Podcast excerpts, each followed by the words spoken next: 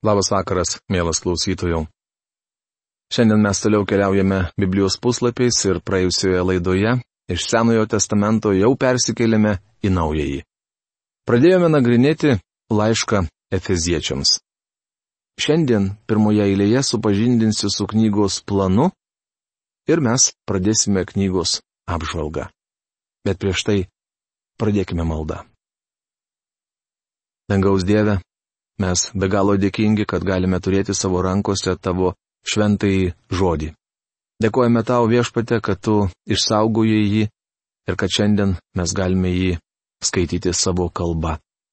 Prašau, tėve, kad tu šiandien savo dvasios pagalba galėtum išaiškinti tai, ką mes mokinsimės, kiekvienai sielai, kuri klausosi šių laidų. To meldžiu Jėzaus vardu. Amen. Taigi planas. Pirma, romėniškai - doktrininė dalis - dangiškasis bažnyčiaus pašaukimas. Pirmas, trečias skyriai. A. Bažnyčia yra kūnas. Pirmas skyrius. Pirma. Įžanga. Pirmos skyriaus pirma, antra eilutės. Antra. Dievas tėvas numatė bažnyčiaus atsiradimą. Pirmos skyriaus. Trečia, šešta eilutės tu paruošiai man kūną. Trečia. Dievas sunus užmokėjo už bažnyčią kainą. Pirmos kiriaus 7-12 eilutės. Turime atpirkimą jo krauju. Ketvirta. Dievas šventoji dvasia saugo bažnyčią. Pirmos kiriaus 13-14 eilutės. Mes visi buvome pakrikštyti vienoje dvasioje, kad sudarytume vieną kūną. Penkta. Malda, kad Dievas suteiktų išminties ir galius. Pirmos kiriaus 15-23 eilutės. B. Bažnyčia yra šventykla. Antras skyrius. Pirma. Statybinė medžiaga. Antros skyriaus pirma dešimta eilutės. Mirę nusikaltimams padaromi gyva šventykla. Antra. Statybos metodas. Antros kiriaus 11-18 eilutės. Trečia. Statybos prasme. Antros kiriaus 19-22 eilutės. Auga visas pastatas, tampantis šventykla viešpatyje. C. Bažnyčia yra slėpinys. Trečias skyrius. Pirma. Slėpinio paaiškinimas trečios kiriaus pirma ketvirta eilutės. Slėpinys neatskleistas Senajame testamente. Antra. Slėpinio apibūdinimas trečios kiriaus penkta trylikta eilutės. Žydai ir pagonys yra to paties kūno, tai yra bažnyčios nariai. Ir trečia. Malda, kurioje prašoma stiprybės ir pažinimo. Trečios kiriaus 14-21 eilutės. Galė sutvirtinti ir pažinti Kristaus meilę. Antra romėniškai. Praktinė dalis - žemiška bažnyčiaus elgsena. Ketvirtas, šeštas skyriai. A. Bažnyčia yra naujas žmogus. Ketvirtas skyrius. Pirma. Naujo žmogaus atskleidimas.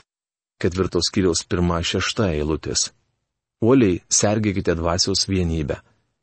Antra naujo žmogaus susilaikimas, ketvirtos kiriaus 7-16 eilutės. Kad nebebūtumėte maži vaikai, aukime Kristuje. Tikrais vyrais. Trečia. Draudimai naujam žmogui, ketvirtos kiriaus 17-32 eilutės. Nebeselgtumėte kaip elgesi pagonys, būkite malonūs vieni kitiems. B. Bažnyčia bus nuotaka. Penktas skyrius. Pirma. Bažnyčios sužadėtuvės, penktos skyriaus pirma septyniolikta eilutės. Mat aš jūs sužėdavau su vienu vyru, su Kristumi, ir turiu pas jį nuvesti jūs kaip skaiščią mergelę. Antra. Bažnyčiaus elgesys, penktos skyriaus 18-24 eilutės. Būkite pilni dvasios. Ir trečia. Bažnyčiaus viltis, 5 skyriaus 25-33 eilutės. kad padarytų savo garbingą bažnyčią. C. Bažnyčia yra karys. Šeštas skyrius. Pirma. Kario santykiai su kitais. Šeštos skyriaus pirma devinta eilutės. Atliekantis karo tarnybą neusima pragyvenimo reikalais. Antra. Kario priešas. Šeštos skyriaus dešimta dvylikta eilutės. Prieš velnio klastas. Trečia. Kario apsauga. Šeštos skyriaus 13-18 eilutės. Imkitės visų Dievo ginklų. Ketvirta. Kario pavyzdys. Paulius. Geras Jėzaus Kristaus karys. Šeštos skyriaus 19-22 eilutės. Ir penkta. Kario palaiminimas. Šeštos skyriaus 23-24 eilutės. Kai kuriems iš jūsų gali atrodyti nuobodoka klausyti šį planą, bet aš žinau, kad mūsų daug radio klausytojų užsirašinėja, konspektuoja įsirašinėja. Todėl mes norime, kad jūs turėtumėte šį planą, jisai palengvins jūsų studijas. Pirmas skyrius. Tema. Bažnyčia yra kūnas. Laiško įžanga. Dievas tėvas numatė bažnyčiaus atsiradimą. Dievas sunus sumokėjo už bažnyčią kainą. Dievas šventoji dvasia saugo bažnyčią. Ir Paulius meldžia Dievą suteikti Efeziečiams išminties ir galius. Laiškas Efeziečiams pradedamas doktrininė dalimi, kurioje kalbama apie dangiškąjį bažnyčios pašaukimą. Įžanga. Paulius, Dievo valia Kristaus Jėzaus apaštalas, šventiesiems gyvenantiems Efeze ir ištikimiesiems Kristuje Jėzuje. Malonė ir ramybė jums nuo Dievo mūsų tėvo ir viešpaties Jėzaus Kristaus. Efeziečiams laiško pirmos skyriaus pirma, antra eilutės. Tai trumpiausia įžanga iš visų Pauliaus laiškų. Nors apaštalas siuntė šį laišką Efezo tikintiesiems, jis buvo skirtas visoms bažnyčioms. Kai kuriuose geresniuose rankraščiuose nėra žodžių Enefezo, jie praleisti. Spėjama, kad laiške kolosiečiams sakydamas perskaitykite laišką, kuris ateis iš Laudikėjos, Paulius turėjo menyje laišką Efeziečiams. Reiškia, šis laiškas buvo siunčiamas iš vienos bažnyčios į kitą. Laišką Efeziečiams Paulius rašė greičiau ne vietiniai, bet visai bažnyčiai. Tai yra neregimam tikinčiųjų kūnui. Paulius Kristaus Jėzaus apaštalas. Svarbu atkreipti dėmesį, kad visame šiame laiške ir daugelie kitų vietų sakoma ne Jėzus Kristus, bet Kristus Jėzus. Matot, Kristus yra Jėzaus titulas, tai jo apibūdinimas. Tu esi Mesijas arba Kristus. Gyvojo Dievo sūnus rašoma Mato Evangelijos 16 skyriaus 16 eilutėje. Jėzus buvo jo vardas.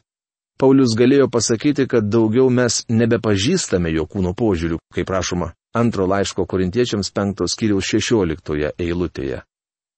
Paulius pažinojo jį ne kaip Jėzų trejus metus tarnavusi žemėje, bet kaip pašlovintą Kristų, kurį jis sutiko kelyje į Damaską. Todėl apaštalas sakydamas Kristus Jėzus visuomet pabrėžia Kristaus vardą. Paulius teigia, kad jis yra apaštalas. Kas yra apaštalas? Tai aukščiausios bažnytinės pareigos. Šiandien ne vienas bažnyčios narys nėra apaštalas dėl paprastos priežasties. Nėra tokio, kuris atitiktų apaštalui keliamus reikalavimus. Štai tie reikalavimai. Pirma. Apaštalai gavo įgaliojimus tiesiai iš gyvojo Jėzaus lūpų. Paulius sakė apie save. Paulius pašauktas apaštalų ne žmonių ir ne per žmogų, bet paties Jėzaus Kristaus ir jį prikėlusio iš numirusių Dievo tėvo, taip užrašyta Galatams laiško pirmos skyriaus pirmoje eilutėje. Štai kodėl aš manau, kad Paulius užėmė judo vietą. Mokiniai buvo išrinkę motiejų, tačiau niekur nerašoma, kad Jėzus Kristus būtų jį paskyręs apaštalu. Visi apaštalai gavo įgaliojimus tiesiogiai iš viešpatės Jėzaus. Antra. Apaštalai matė prisikėlusi gelbėtoje. Paulius atitiko šį reikalavimą. Trečia. Apaštalams buvo duotas ypatingas įkvėpimas. Jie aiškino ir patys rašė šventą įraštą. Žiūrėkite Evangeliją pagal Joną 14 skyriaus 26, 16 skyriaus 13 ir Galatams laiško 1 skyriaus 11-12 eilutes. Be abejo, iš visų apaštalų šią savybę labiausiai išsiskyrė Paulius. Ketvirta. Jie turėjo ypatingą galę. Žiūrėkite Evangelijos pagal Joną 20 skyriaus 22-23 ir antro laiško korintiečiams 10 skyriaus 8 eilutes. Penkta. Jų valdžios ženklas buvo gale daryti stebuklus. Žiūrėkite Evangelija pagal Morkų 6 skyriaus 13, Luko Evangelijos 9 skyriaus 1-2 ir apaštalų darbų 2 skyriaus 43 eilutes. Nemanau, kad šiandien kam nors yra suteikta tokia gale. Tai buvo apaštalo skiriamasis ženklas. Pirmojo amžiaus pabaigoje Jonas rašė, Jei kas ateina pas jūs ir neatsineša šitokio mokslo, nepriimkite jo į namus ir nesveikinkite. Taip užrašyta antrame Jono laiške dešimtoje eilutėje. Jau tuo met skiriamasis ženklas buvo negale daryti stebuklus, bet teisingo mokymo laikymasis. Šešta. Apaštalams buvo duotas visuotinis įgaliojimas steigti bažnyčias. Žiūrėkite antrą laišką korintiečiams 11 skyrių 28 eilutę. Paulius aiškiai atitiko šiuos šešis apaštalui keliamus reikalavimus. Paulius Dievo valia Kristaus Jėzaus apaštalas. Paulius grindė savo paštalystę Dievo valia, o ne asmeniniam ambicijom, žmonių valia ar bažnyčios pageidavimu. Jis rašė Galatams, kai tas, tai yra Dievas, kuris mane pasirinko dar esantį iššiuose ir pašaukė savo malonę, panorėjo apreikšti manyje savo sūnų, kad paskelbčiau Evangeliją pagonims. Galatams laiško pirmos kiriaus 15-16 eilutės. Paulius sakė Timotėjui, aš esu kupinas dėkingumo mūsų viešpačiui Kristui Jėzui, kuris mane sustiprino ir palaikė tinkamą užimti tarnystę, nors anksčiau esu buvęs pikžodžiautojas, persekiotojas ir smurtininkas. Manęs buvo pasigailėta, nes taip elgiausi dėl neišmanimo ir netikėjimo. Rašoma pirmame laiške Timotėjui, pirmame skyriuje 12-13 eilutėse. Paulius visuomet savo apaštalystės pagrindų laikė Dievo valią.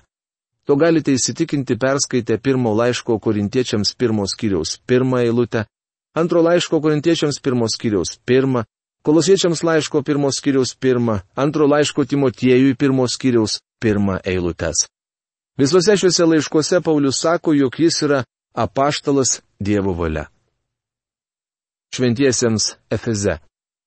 Graikų kalbos žodis hagijos reiškia šventas arba atskirtas. Pirminė šio žodžio reikšmė yra atskirtas naudoti vien Dievui. Tai, kas priklauso Dievui. Padangtės rakandai buvo vadinami šventais reikmenimis. Kodėl? Ar todėl, kad jie buvo ypač šventi, išvaizdus ir geri? Ne. Manau, kad po ilgos kelionės dykumo jie buvo visi apdaužyti ir apibrosdinti Tie reikmenys vadinami šventais, nes jie buvo atskirti naudoti Dievui. Šventasis mano draugė, aš noriu, kad visi gerai įsiklausytumėte į tuos žodžius. Tai tas, kuris patikėjo Kristumi ir yra atskirtas naudoti vien Dievui. Šiandien pasaulyje esama tik dviejų rūšių žmonių. Šios dvi grupės - šventieji ir nešventieji. Taigi arba jų šventasis, arba nešventasis kai kurių šventųjų Dievas nenaudoja. Taip yra dėl jų pačių kalties. Jie atskirti, kad būtų naudojami Dievo tikslams ir jam tarnautų. Tiesa, šventieji turi gyventi šventai. Tačiau jie nėra šventieji dėl to, kad gyvena šventai. Jie šventieji dėl padėties, kurią užima Kristuje. Šie žmonės priklauso Kristui, kad jis galėtų juos naudoti. Efeze. Apie tai jau kalbėjome. Vietoj šio miesto galite įrašyti tą, kuriame gyvenate. Man tai reikštų Pasadenoje. Jums? Galbūt Vilniuje. Ir ištikimiesiems Kristuje Jėzuje. Čia turimi omenyje tikintieji. Mato, tikintieji ir šventieji yra vienas ir tas pats. Šventasis turi būti šventas, o tikintysis - ištikimas. Tas, kuris patikėjo Kristumi, yra ir tikintysis, ir šventasis. Žodis šventasis susijęs su dievišku aspektu krikščionio gyvenime, o žodis tikintysis apibūdina žmogiškąjį aspektą. Kristuje Jėzuje. Tai visų nuostabiausia tema, kuriai šiame laiške skiriama daug vietos. Detaliau mes ją panagrinėsime kiek vėliau. Man svarbiausia žodis Naujajame testamente yra trumputis graikiškas prielinksnis, atsakantis į klausimą kur, kame. Į lietuvių kalbą jis neverčiamas. Teologai yra parašę daug knygų, kuriuose bando paaiškinti mums, ką reiškia būti išgelbėtu. Kaip apibūdintumėte išgelbėjimą? Tam vartojami tokie žodžiai kaip atpirkimas, užmokestis, išteisinimas, sutaikinimas, permaldavimas ar visiškai pakankama pavaduojančioji Kristaus auka. Visi šie žodžiai geri, net nuostabus. Tačiau kiekvienas iš jų apibūdina tik kurį nors vieną išgelbėjimo aspektą ką iš tikrųjų reiškia būti išgelbėtam. Tai reiškia būti Kristuje. Šventosios dvasios krikštu mes neatšaukiamai ir organiškai sujungiami su Kristumi. Taip rašoma pirmame laiške korintiečiams 12 skyriuje, 12-13 eilutėse. Mėlyje aš jums taip įkyriai kišu tas eilutes, bet jūs galite atsiversti savo Bibliją, jei neturite įsigyti ir patys įsitikinti, ar iš tikrųjų yra taip. Taip tampame tikinčiųjų kūno dalimi, mums sakoma. Kas susijungia su viešpačiu tampa viena dvasia su juo. Pirmas laiškas korintiečiams šeštas skyrius septyniolikta eilutė. Mes priklausome jam. Kas gali būti nuostabiau? Taigi dabar nebėra pasmerkimo tiems, kurie yra Kristuje Jėzuje, rašoma romiečiams laiško aštuntos skyriaus pirmoje eilutėje. Ar dar turite ką pridurti? Būti Kristuje Jėzuje tai didysis išgelbėjimo pasiekimas. Daktaras Luisas Čeferis paskaičiavo, kad mano minėtas graikiškas prielinksnis atsakantis į klausimą kur, kame, Naujajame testamente pavartotas 130 kartų. Viešpats Jėzus sakė, pasilikite manyje, tai ir aš pasiliksiu jumise. Žiūrėkite Jono Evangelijos 15 skyriaus 4 eilutę. Originalų kalboje čia du kartus pavartotas prielinksnis atsakantis į klausimą kur, kame. Mes esame Kristuje. Tai labai gili tiesa, kurios paaiškinti aš negaliu. Galbūt čia mums šiek tiek padės analogijos. Paklausykite. Paukštis yra ore. Oro yra paukštyje. Žuvis yra vandenyje. Vandens yra žuvyje. Geležis yra ugnyje. Ugnies geležyje. Tikintysis yra Kristuje, Kristus yra tikinčiajame. Mes su juo sujungti. Galva yra kūne, kūnas galvoje. Mano kūnas negali judėti, jei jo nevaldo galvoje esančios smegenys. Bažnyčia, Kristaus kūnas, yra Kristuje, o jis yra galva. Apie šį faktą sukasi visos laiške fiziečiams išdėstytos tiesos. Neskaitykite šio laiško prabėgomis. Mano įsitikinimu jam turi būti skiriama tiek pat dėmesio, kiek laiškui romiečiams, pirmam bei antram laiškams korintiečiams ar laiškui galatams. Manau, kad šiuose laiškuose, kaip jokioje kitoje Biblijos dalyje, mes su jumis galime išgirsti jaudinančią ir gyvą žinę, taikytiną asmeniškai mums. Tai didieji doktrininiai laiškai. Kai Jozujos knygos pirmos kiriaus antroje eilutėje skaitau Dievo žodžius Jozujai, toj pat pasiruoš pereiti Jordaną, žinau, kad jis nesako to man. Čia Dievas davė nurodymus Jozujai. Žinoma, šie žodžiai turi pritaikymą ir mano gyvenime. Laiškas Efeziečiams yra tarsi Jozuės knyga Naujajame testamente. Čia kalbama asmeniškai man malonė jums. Pauliaus dienomis pagoniškame pasaulyje tai buvo įprastas pasisveikinimas. Graikiškai malonė yra Haris. Du žmonės susitikę gatvėje sakydavo vienas kitam Haris. Sikis su graikų tautybės draugu misionieriumi vaikščiojame po Atenus. Jis staptelėjo pasikalbėti su keliais žmonėmis. Vėliau aš tariau jam, Man pasigirdo, kad sveikindamasi su jais tu ištariai žodį Haris. Mano bičiulis nusijokė ir atsakė, na, ne visai, bet skamba panašiai. Taigi, panašiai tame krašte sveikinamasi ir šiandien. Ir ramybė. Religingi žmonės pasisveikindami linkėdavo ramybės. Tai žodis šalom, kurį Jeruzalėje galite išgirsti ir šiandien. Paulius šiems dviem įprastiems pasisveikinimo žodžiams suteikia nepalyginti prakilnesnę ir nuostabesnę prasme. Dievas išgelbsti mus savo malonę.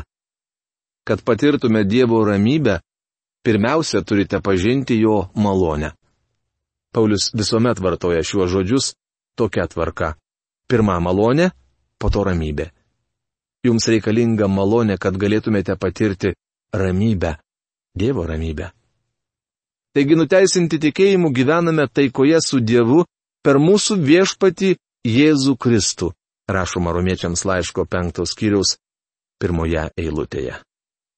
Šiandien daug kalbama apie taiką ir ramybę. Tačiau pasaulyje nebus taikos, kol žmonės nepažins Dievo malonės. Įdomu pastebėti, kad žodis malonė nėra toks populiarus. Dažniausiai kalbama apie meilę ir taiką. Tai labai artimi žodžiai, tarsi ir paimti iš Biblijos, tačiau dažnai jiems suteikiama visai nebiblinė prasme. Taika yra susitaikinimas su Dievu per nuodėmių atleidimą. Mūsų nuodėmės negali būti atleistos, jei mes nieko nenutuokiame apie Dievo malonę. Nuo Dievo mūsų tėvų ir viešpaties Jėzaus Kristaus. Malonė ir ramybė ateina nuo Dievo mūsų tėvo. Iš tikrųjų, jis tampa mūsų tėvu, kai patiriame Dievo malonę ir esame atgimdomi Dievo dvasios. Malonė ir ramybė ateina ir nuo viešpaties Jėzaus Kristaus. Kodėl Paulius nepaminėjo šventosios dvasios? Ar jis netikėjo trejybę? Tikėjo, tačiau tuo metu šventoji dvasia jau buvo Efeze ir gyveno tikinčiuosiuose. Viešpats Jėzus atsisėdo danguje Dievo tėvo dešinėje. Studijuodami Bibliją, Atkreipkime dėmesį į geografiją. Daugelis žmonių susipainiojo savo teologiniuose išvedžiojimuose, nes mano, jog geografija nėra labai reikšminga. Tai tokia žinia šiandien. Iki kito susitikimo. Sudė.